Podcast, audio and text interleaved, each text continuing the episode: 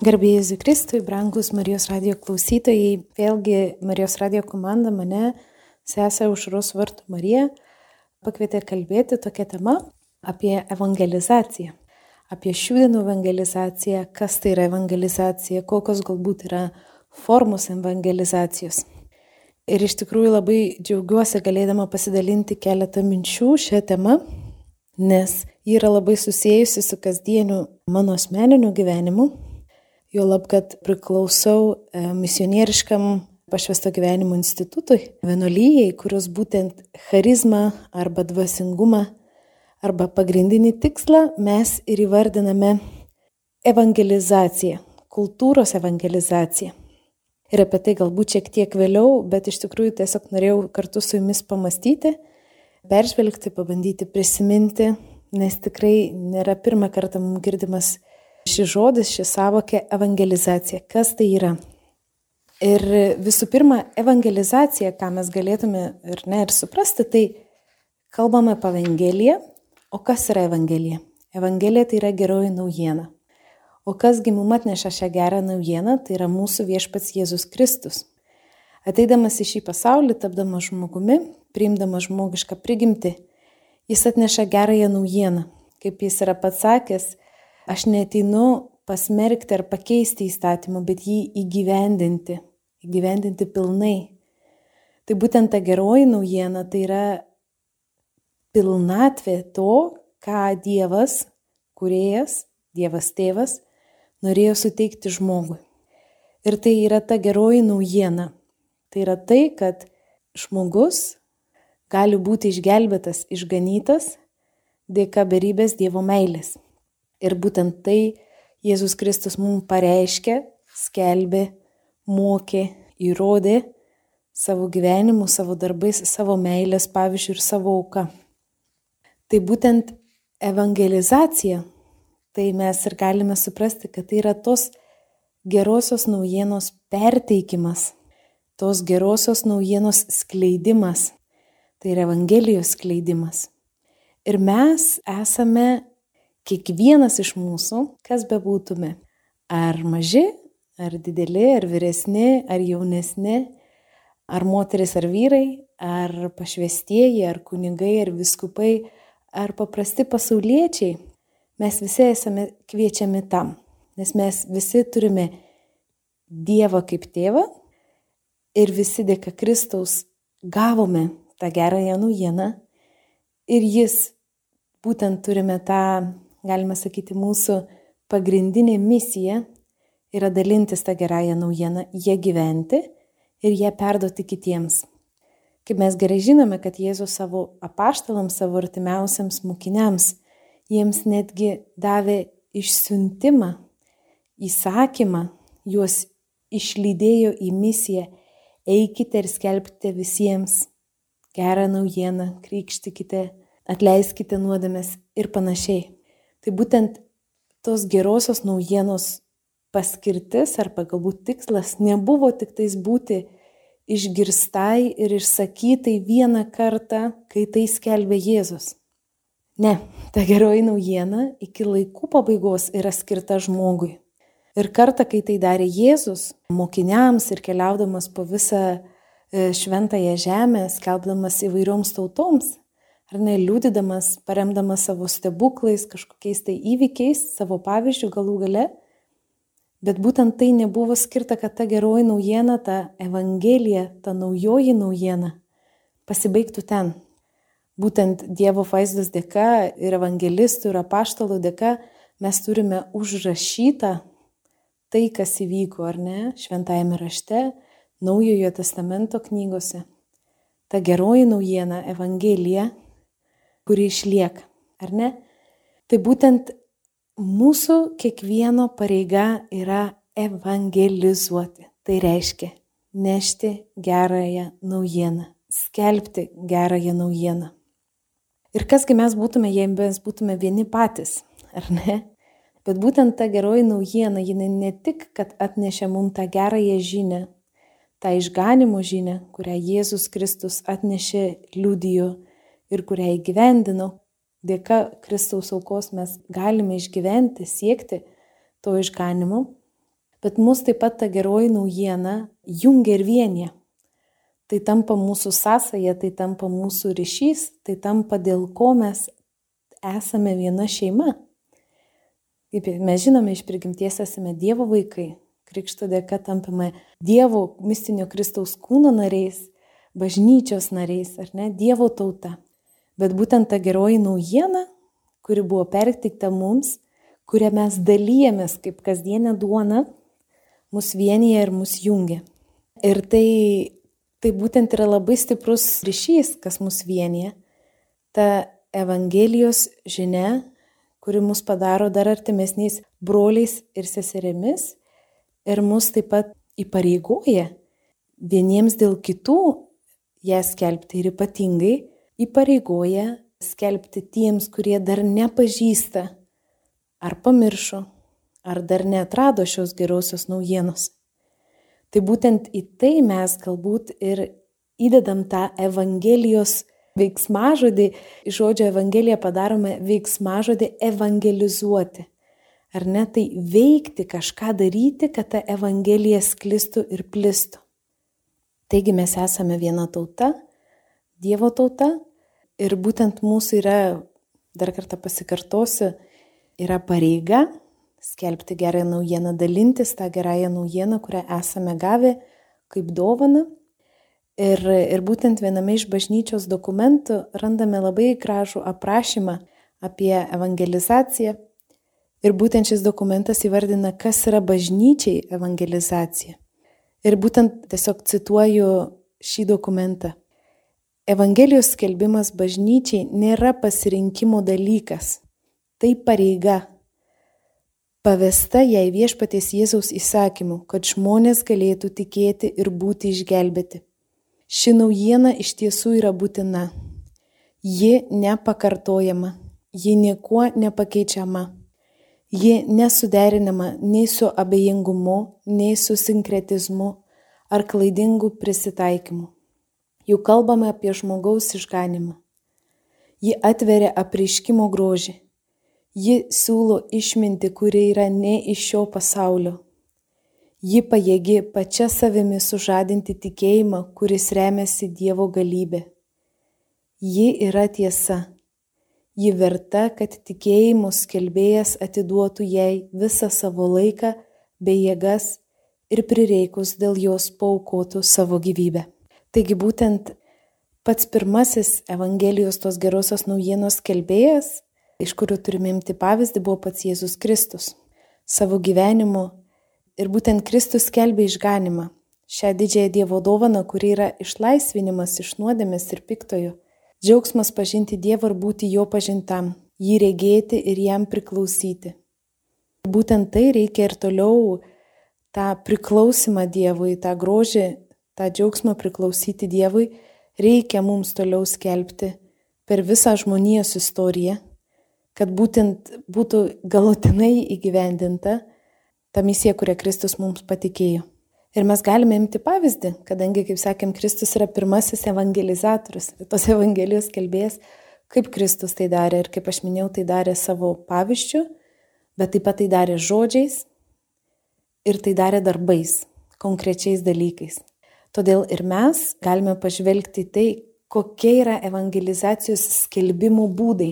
Ir vienas iš pagrindinių būdų tai yra visų pirma liudijimas. Visi mes esame pašaukti evangelizuoti ir būtent visi mes esame pašaukti liudyti savo gyvenimu. Tai yra tas tylusis evangelizacijos būdas, kai kiekvienas savo darbu, savo gyvenimu tiesoje, ieškant tiesos, ieškant artumo su Dievu, ieškant gyventi Dievo malonėje, priimant sakramentus, teikiant Dievui garbę, tiek savo gyvenimu, tiek savo pasirinkimais, tiek ta tiesa, kurią mes liūdėjame, ar ne? Tai būtent tas yra evangelizavimas, kurį mes esame kviečiami visi be išimčių gyventi, tai atlikti.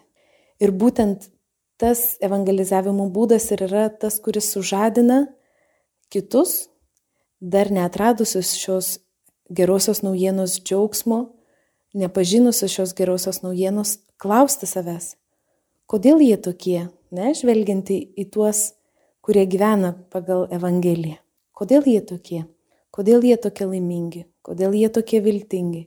Kodėl jie nepasiduoda? Iš kur jiem ta stiprybė pakesti sunkumus? Iš kur jie turi jėgų atleisti? Kodėl jie taip karštai myli? Kodėl jie nebijo pagarbinti savo Dievo, kurį tiki?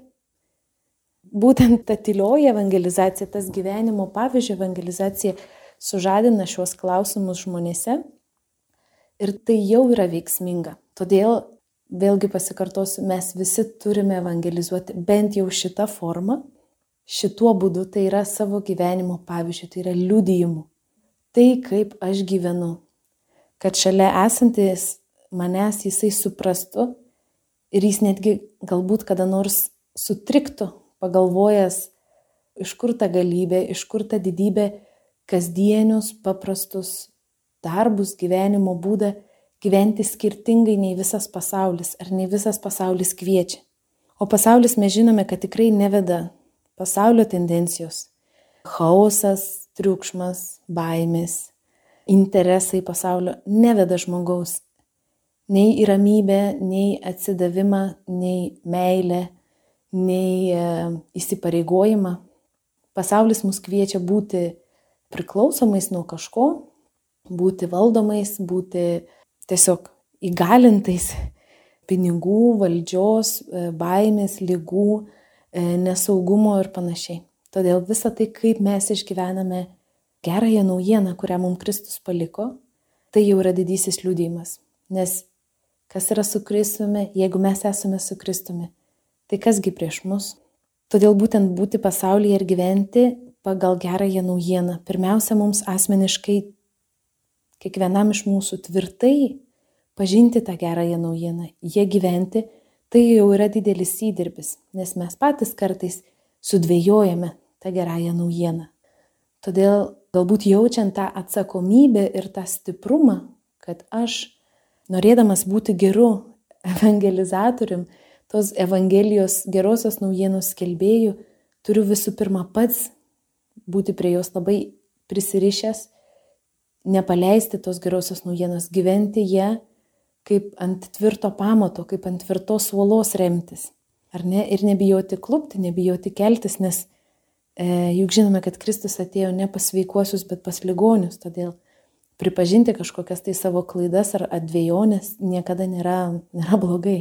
Bet būtent tai, kad supratimas, kad mūsų gyvenimo, kad ir minimalus darbai, gestai, mūsų ryšys su artimu, tai jau liudija, tai jau liudija tą gerąją naujieną. Ir žinoma, yra ir kitas liudijimo būdas, tai yra žodžiu. Nes vėlgi žiūrint į Jėzų, kaip ir minėjau, yra pirmasis Evangelijos kelbėjas, jis taip pat ne tik gyvenimo pavyzdžių, savo ryšių su artimaisiais, su mokiniais, savo meilės rodymų ir darbais, jis skelbė žodžiu. Jis atėjo paskelbti gerąją naujieną, Jis skelbė, jis kalbėjo, jis mokė. Mes galime prisiminti kalno pamokslą, mes galime prisiminti daugybę palyginimų, kuriais Jėzus norėjo perduoti savo mokiniams, visiems sekusiems iš paskos, tam tikrus pamokymus. Jis atėjo paskelbti raštų, įsakymų, pranašyščių išpildymą. Ar ne? Ir taip mes žinome, kad tuo metu žmonėms buvo labai neiškur, tai daugiausia tai ir sukėlė tas jo žodinis kelbimas pasipiktinimą visi įstatymo aiškintojai, fariziejai pasipiktindavo ir tai būtent kėlė nepykantą, prieštaravimą Jėzui, ar ne, nes jis skelbėsi esas, Dievo sūnus skelbėsi esas ir panašiai. Tai būtent tas kitas lygis skelbimas žodžiu Evangelijos irgi yra vienas iš būdų ir vėlgi pasikartosiu, nebūtinai visi mes esame kviečiami tai daryti, bet galbūt ne visi turi tam tikrą talentą, ne visi turi tam tikrą terpę, ne visi geba ar moka, ar turi tam pakankamą tikėjimo stiprybę. Bet kai kurie ir ypatingai pagal tam tikrą ypatingą pašaukimą, kaip kunigai, viskupai, pašvestieji, dirbantis katecheziją, dirbantis, bestudijuojantis, turintis tą stipresnį galbūt žinių bagažą, turintys stipresnį galbūt gyvenimo patirtį ar kitas situacijas, jie yra kviečiami skelbti žodžiu. kad jie galėtų atlaikyti tą pasaulio prieštaravimą, kurio tikrai sulauks, kuris tikrai bus, bet būtent skelbti, kad tas Dievo žodis, žodis tapęs kūnu, gyventų kiekviename žmoguje, kad kitiems būtų aišku ir įmanoma pažinti visus Dievo slėpinius, atpažinti ir priartinti prie savęs dar arčiau Dievą. Ne, tai dar vienas e, Evangelijos skelbimo būdas yra žodžiu. Tai reiškia kalbėti, skelbti, aiškinti, priartinti prie žmonių tą gerąją naujieną, atskleisti ją, kad tai taptų šviesa, vedanti į artimesnį ryšį su Dievu. Ir tas kelbimo žodžiu turi irgi įvairiausių savo būdų. Tai būtent liturgijos metu, mūsų maldų išraiška, būtent katechezė. Mes galime matyti žiniasklaidoje gerosios naujienos kelbimą, tai yra evangelizacija, priartinant žmonės ar ne. Ir būtent Marijos radijas tai ir daro, tai ir yra evangelizacija, tai ir yra gerosios naujienos skelbimas. Kai priartiname tam tikrą Dievo žinę prie žmonių įvairiomis kūrybiškomis formomis. Yra daugybė, daugybė formų, ar ne, kaip pasaulis naudoja daugybę formų, kad parduotų, įtikintų, pasiektų žmogų komerciniais tikslais, žiniasklaidos tikslais Tai gerosios naujienos skelbimas taip pat gali būti, naudojant šitas formas kaip įrankius, kad pasiektų žmogų, kad priartėtų, nes tai, kai buvo skelbiama geroji naujiena Jėzaus laikais, laikai pasikeitė, žmonės pasikeitė, kultūros keitėsi, civilizacijos keitėsi ir žmonių įpročiai keitėsi, jų būdas, bet kas nesikeitė, vienintelis dalykas nesikeitė geroji naujiena. Tai visais laikais bažnyčia skatino ir, ir rėmė tas ieškojimą naujų formų, kaip mes galime žodžiu skelbti Evangeliją, tą gerąją naujieną, pritaikant naujas formas, naujas šiuolaikiškas formas, prieinamas žmonėm formas. Ir tai yra būtent daugelypė terpė, kurioje gali būti labai daug kūrybiškumo ir ypatingai galbūt tie, kurie darbuojasi su jaunimu ar vaikais, katechezėse ar kitose būdose, darbuose, parapijose, nuolatos jie aktyviai ieško tų naujų formų, nes jiems tenka ta jauniausioji, ta naujausioji karta, kurie yra visai galbūt kitokia negu vyresnioji karta ir jiems reikia tų naujų būdų, kurie juos priartintų, juos pasiektų, kad juos pasiektų ta geroji naujiena, tai yra Evangelija, tai yra Kristus. Ir tai yra mūsų kūrybiškumo laisvė ir tai yra grožis bažnyčios, kad žmonija kartų kartos keičiasi, bet tai, kas išlieka, tai, kas yra tas absoliuti tiesa ir tas tikrasis gėris, jis išlieka. Tai yra tas Dievo žinia, ta geroji naujiena, tas kvietimas į išganimą, į tą amžinąją laimę. Na ir žinoma, dar kitas būdas evangelizacijai tai yra tos gerosios naujienos įgyvendinimui arba įtvirtinimui žmogaus gyvenime, žmonijoje, bendrai visuomenėje yra priartinimas prie sakramentų. Nes sakramentai tai yra tas tikrasis gyvybės šaltinis, tai yra tiesioginis Dievo veikimas, ne Dievo malonės veikimas mumise. Tai būtent viena iš stipriųjų evangelizacijos formų yra priartinimas ir pakvietimas ir išgyvenimas, dažnas išgyvenimas sakramentų, kurių pats svarbiausias yra švenčiausias sakramentas, tai primama komunija, nes tai gyvojo Dievo prieimimas į žmogaus širdį, į savo širdį. Ir tai yra, nu, va, tas stiprybės šaltinis, kurio dėka galime mes ir toliau kasdienybėje aukti, stengtis ir artėti prie to išganimo. Na ir dar viena iš formų, galbūt evangelizacijos stiprių formų, kurią galime vykdyti evangelizaciją, tai gyvenimas bendruomeniai arba priklausimas kažkokiai bendruomeniai. Nes būtent kaip aš minėjau, visi mes gavome šią dovaną gerąją naujieną ir tarsi mes visi turim tą pačią pareigą ją skelbti, ją skleisti, ją tęsti, ją perduoti. Ir kaip minėjau, taip pat mes galime kiekvienas asmeniškai savo gyvenimu, ta tylioji evangelizacija, to gyvenimo liudijimo skelbimas. Bet būtent gyventi bendruomenėje ir kaip bendruomenė stiprinti arba įgilinti šaknis tos gerosios naujienos, gyventi tą gerąją naujieną mums yra didžiulė pagalba ir tai yra dar stipresnis evangelizacijos būdas, kaip bendruomeniai liūdyti visuomenėje. Ir tai, tai visiškai atkartoja apaštalų liūdėjimą. Ar ne, mes galime, atrandame šventajame rašte žodžius, kaip žmonės stebėjosi, kodėl jie vienas kitą taip myli, kodėl jie vienas su kitu taip gerai elgesi, ar nežvelgdami į apaštalus. Žmonės stebėjosi.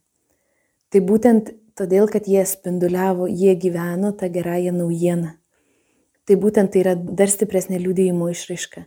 Ir buvimas bendruomeniai, priklausimas kažkokiai bendruomeniai, tai parapijos bendruomeniai, tai maldos grupos bendruomeniai, tai dar kitokio bažnyčios judėjimo bendruomenė ar priklausomai kažkokiai e, asociacijai ir panašiai, tai visų pirma tai stiprina kiekvieną iš mūsų, nekovoti vienam prieš pasaulį ir yra didelė galimybė, kad mums bus labai sunku ir mes nepajėgsime vieni patys, nes mums reikia tos žmogiškosios paramos, mums reikia vienas kito pagalbos, mums reikia vienas kito kaip ramščio, vienas kito, kuris mums galbūt mus pataisytų, mus, mus patrauktų, mus paragintų, mus patemtų. Tai būtent tas bendruomenės gyvenimas jis padeda, kad mes vieni patys neprapultume prieš iškylančius sunkumus, Ir taip pat tai turi tą bendruomenės jėgą, svarbą, svorį prieš pasaulį. Kur du ar trys susirenka mano vardu, ten aš esu. Ir, ir todėl būtent ta geroji naujiena, jinai plečiasi, jinai dar stipriau auga, kai būtent ne pavieniui, bet bendruomenėje mes būrėmės, kūrėme, galbūt Mums yra tada lengviau netgi žodžius skelbti Evangeliją, kai turime bendrus projektus, bendras išgalės, galime dalinti savo talentais, galime dalinti savo gabumais, galime dalinti savo dovanomis, kurias Dievas mums davė, kad kartu kaip bendruomenė žengtume ir tuo pačiu būtume pagalba vienas kitam ir dar stipresni liudytojai. Na ir galėtume pagalvoti, na, o kamgi turi būti skirta ta evangelizacija. Mes, tarsi Lietuvos kraštas, jau esame dauguma Lietuvos gyventojų yra krikščionys, bent jau oficialiai save vadinantis krikščionimis katalikais. Kamgi reikia tos evangelizacijos? Tai vėlgi e, verta prisiminti, kad tai evangelizacija gali būti, turi būti skirta, Dievo tai yra skirta kiekvienam žmogui, kiekvienam asmeniui, bet taip pat yra skirta ir visai žmonių kultūrai. O kas yra žmonių kultūra? Tai žmogaus įvairios gyvenimo terpės.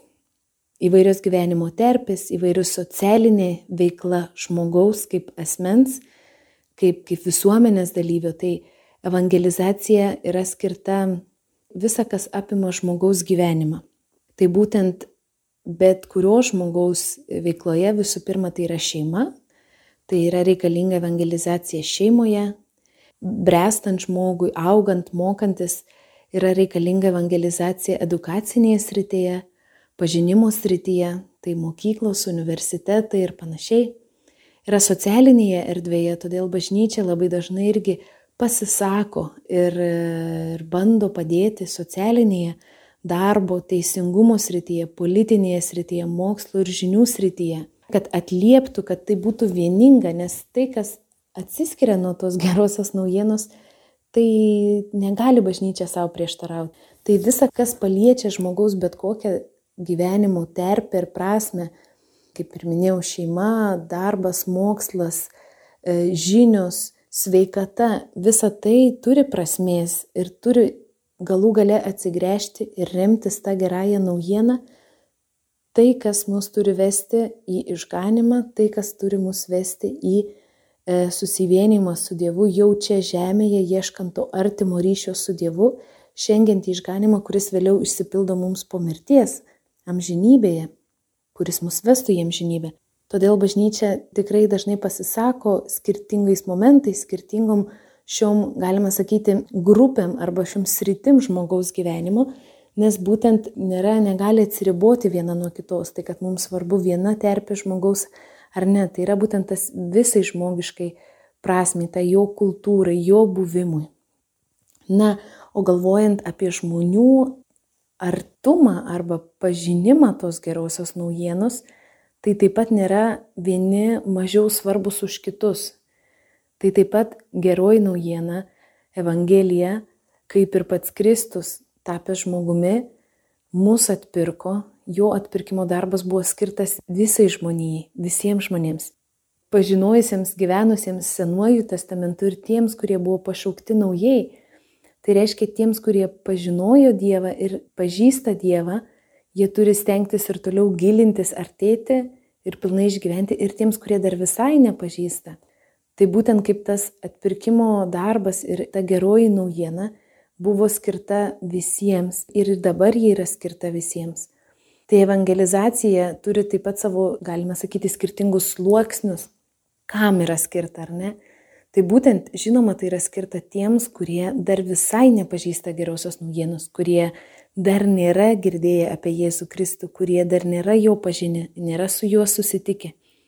Tai galbūt yra kitos šalis, ne mūsų šalis, galbūt tai yra kitos kultūros, bet dar tikrai pasaulyje yra daugybė vietelių, šalių, vietovių, kur Jėzus Kristus nėra pažįstamas, kur geroji naujiena nėra atnešta, nėra pradėta įgyvendinti, nėra pasėta tos gerosios naujienos sėkla.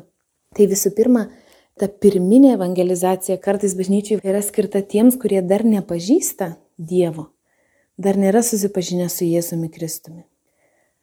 Taip pat evangelizacija yra skirta tiems, kurie pažinojo, žinojo, galbūt senovėje netgi gyveno, ar kultūra tos šalies, tos tautos vystėsi remiantis tikėjimu, remiantis gerąją naujieną bet buvo pamiršta dėl įvairių istorinių įvykių, dėl įvairių galbūt užkariavimų, karų, suirimų ar okupacijų, buvo pamiršta, buvo atitolta, buvo, buvo išbrauktas tikėjimas iš žmonijos, iš žmogaus, iš kiekvienos socialinės veiklos, iš žmogaus gyvenimo. Ir mes tai labai karštai jaučiame mūsų šalyje, kai buvo daugybę metų gyvenama tarsi Dievo nebūtų ir jo nereikėtų.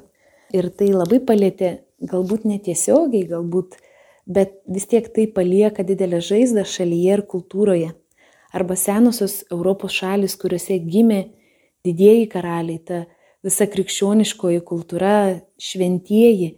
Ir dabar tos šalis yra ypatingai skaudžiai prarandančios dideliais žingsniais, krentančios į priešingą pusę negu evangelizacija. Tai yra visiškas praradimas su nudėvėjimas, galima pasakyti, atitolimas nuo Dievo ir statant žmogų kaip į svarbiausią, žmogų patį kaip į svarbiausią vaidmenį. Ar ne yra siekiama tik tais naudos, tik tais pelno, tik tais e, gerbuvio fiziškai, be jokių dvasinių dalykų ir tai yra krentama į tą pasaulio tinklą, kuris ir kviečia tik tais galvoti apie save ir prarasti tas savo krikščioniškasias vertybės. Na ir žinoma, taip pat evangelizacija yra nuolatos reikalinga ir toms šalims, toms, toms vietoms, toms žmonių terpėms, toms žmonių grupėms, kurios tarsi ir gyvena ir stengiasi gyventi gerąją naujieną.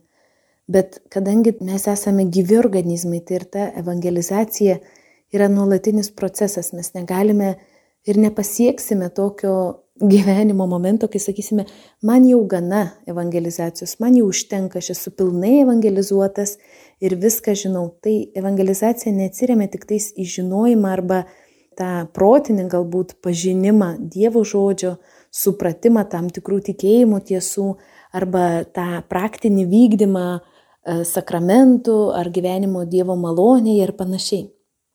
Bet tai yra nuolatinis ieškojimas artimo ryšio su Dievu, to susivienijimo su Dievu, taip pat savyje įleidimas šaknų to gyvojo Dievo, tos gyvosios meilės Dievui ir artimo ryšio. Todėl netgi tos šalis arba tie žmonės, tos socialinės grupės, tie tos grupelės bendruomenės, kuriuose jau tarsi ir viskas sklandžiai vyksta, tas gerosios naujienos gyvenimas, Niekada mes negalime asmeniškai savo pasakyti, kad man jau gana gerosios naujienos, aš jau pilnai ją turiu, valdau, žinau, man užtenka. Tai mes irgi esame tas objektas evangelizuojamas. Kiekvienas iš mūsų, ar ne, mes turime gauti tą kitokią galbūt formą, jau nebe kaip pradinė evangelizacija, arba ne tą, kur, kad mes anksčiau buvome evangelizuoti ir pamiršom, bet jeigu mes esame tie, kurie diena iš dienos ir taip jau gyvename Dievo artumoje ir stengiamės pažinti Dievą, mes turime nuolatos jausti tą troškulį, kad norime dar daugiau.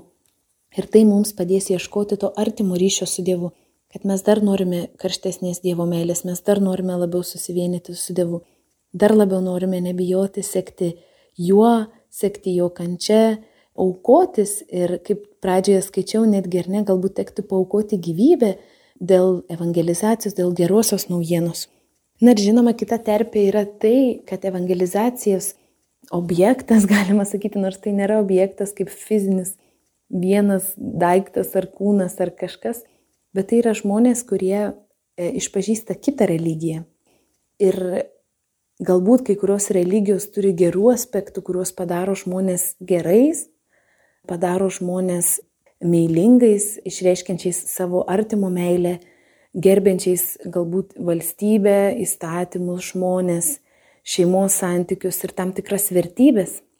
Bet būtent ta geroji naujiena turėtų pasiekti ir juos, nes tai yra ta vienintelė geroji naujiena. Dėl mūsų visų Jėzus Kristus tapo žmogumi, mūsų visų ir kiekvieno asmeniškai. Ne, tai ir tie, kurie dar nepažįsta Jėzaus, dar nepažįsta tos gerosios naujienos, bet pažįsta kitas religijas. Dėl savo kultūros, dėl to, kad gimė tam tikroje šalyje, dėl to, kad buvo jiem perdotas toks tikėjimas, dėl to, kad galbūt jie pasirinko tam tikrą tikėjimą, nes juos labiau žavėjo kažkas, vienas ar kitas dalykas, aspektas tos religijos, e, liturginė išraiška, gilumas galbūt. Tai nereiškia, kad jiems nėra skirta geroji naujiena. Todėl mes irgi bažnyčioje kalbame apie dialogą tarp kitų religijų žmonių arba ekumenizmą, kai mes kalbame apie krikščioniškosios ištakas turinčias religijų šakas, ar ne, tas šeimininės religijas. Tai, bet būtent tai turi vesti į tą gerąją naujieną, į tą išganimo žinę, į Jėzaus Kristaus atneštą išganimo žinę, su didelė meilė, su didelė pagarba vieni kitiems, pripažįstant vieni kitų skirtumus, bet žinant ir siekiant tos vienybės Dieve, vienybės atkeliauti kitos gerosios naujienos. Kaip ir minėjau, daugybė kitų religijų gali turėti gerų bruožų, gali turėti gerų išraiškų, bet tai nėra ta vienintelė geroji naujiena, kurią Dievas mums davė per Jėzų Kristų, tą vienintelį išganimo kelią. Todėl reikia labai daug maldos, reikia labai daug atsargumo, bet reikia ir drąsos. Ir apibendrinant, norėčiau pasakyti, kad būtent ką jau ir buvau užsiminusi skirtingomis formomis, kad evangelizacija tai yra tas gerosios naujienos išgyvenimas, įgyvendinimas, skelbimas ir perdavimas. Ir tai būtent mes tai galime padaryti, kai gyvename tiesoje, kai kiekvienas iš mūsų ieškome tos tikrosios tiesos, nebijome pripažinti, kad patys klystame arba mums sunku priimti tą tikrąją tą vienintelę Jėzaus atneštą tiesą ir kad turime drąsos ją perduoti, ją gyventi, ar ne skirtingomis formomis liūdyti, dalintis tą gerąją naujieną. Tai prašykime mergelės Marijos užtarimo.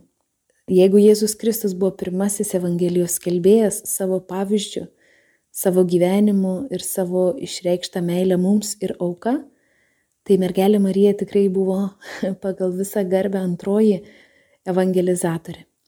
Visų pirma, nes nuolankiai priėmė vykdyti Dievo valią, tai leido Dievui veikti joje pagal Dievo planą, ne pagal savo pasirinktą kažkokį norą, numanimą, bet visiškai atsisakiusi savęs, leido, kad Dievas veiktų joje. Tai turėtų būti ir mūsų toks nusistatymas, arba mūsų tokia pozicija - leisti, kad Dievas veiktų mumise. Taip kaip Jis yra numatęs, nes Jis žino, kaip turėtų būti, koks yra jo planas kiekvienam iš mūsų. Ir kitas aspektas, kurį Marija mums duoda, mums rodo pavyzdį, tai kad ji buvo labai ypatingai susivienijusi su Jėzumi. Jo augimo e, metais, gyvenimo jaunystės iki pat išėjimo liudyti, mokyti, surinkant, sukviečiant mokinius, Marija visada buvo šalia iki pat didžiosios atpirkimo akimirkos, kai Kristus ėjo į kančią, ėjo, artėjo prie tos akimirkos, kai paukojo save ant kryžiaus už mūsų atpirkimą ir Marija visada išliko šalia. Tai mes irgi imkime pavyzdį iš jos, kad mes visais savo gyvenimo etapais, savo gyvenimo tarpsniais turėkime Jėzų šalia, būkime ypatingai susivienyje su juo. Ar ne? Stengiantis pažinti, stengiantis išgyventi, taip pat kenčiant, nepamirškime tos vienybės ir tos meilės jam ir su juo. Kartu, kartu kentėti, kartu gyventi yra visai skirtingi dalykai. Ir tas bus mūsų liudijimas tiek mūsų aplinkoje, tiek mūsų šeimoje, tiek mūsų bendruomenėje, tiek mūsų visuomenėje, tiek mūsų darbe, visose socialinėse erdvėse, ten, kur mums tenka gyventi. Tai tegul mergelė Marija būna ta mūsų didžioji užtarėja, mūsų pavyzdys ir jinai yra evangelizacijos vedlė, ta šiaurinė žvaigždė, kuri mus veda, kuri mums nuolatos rodo pavyzdį, kaip sekti, kaip nešti tą gerąją naujieną. Tai imkime pavyzdį iš jos ir prašykime jos užtarimo ir motiniškos globos.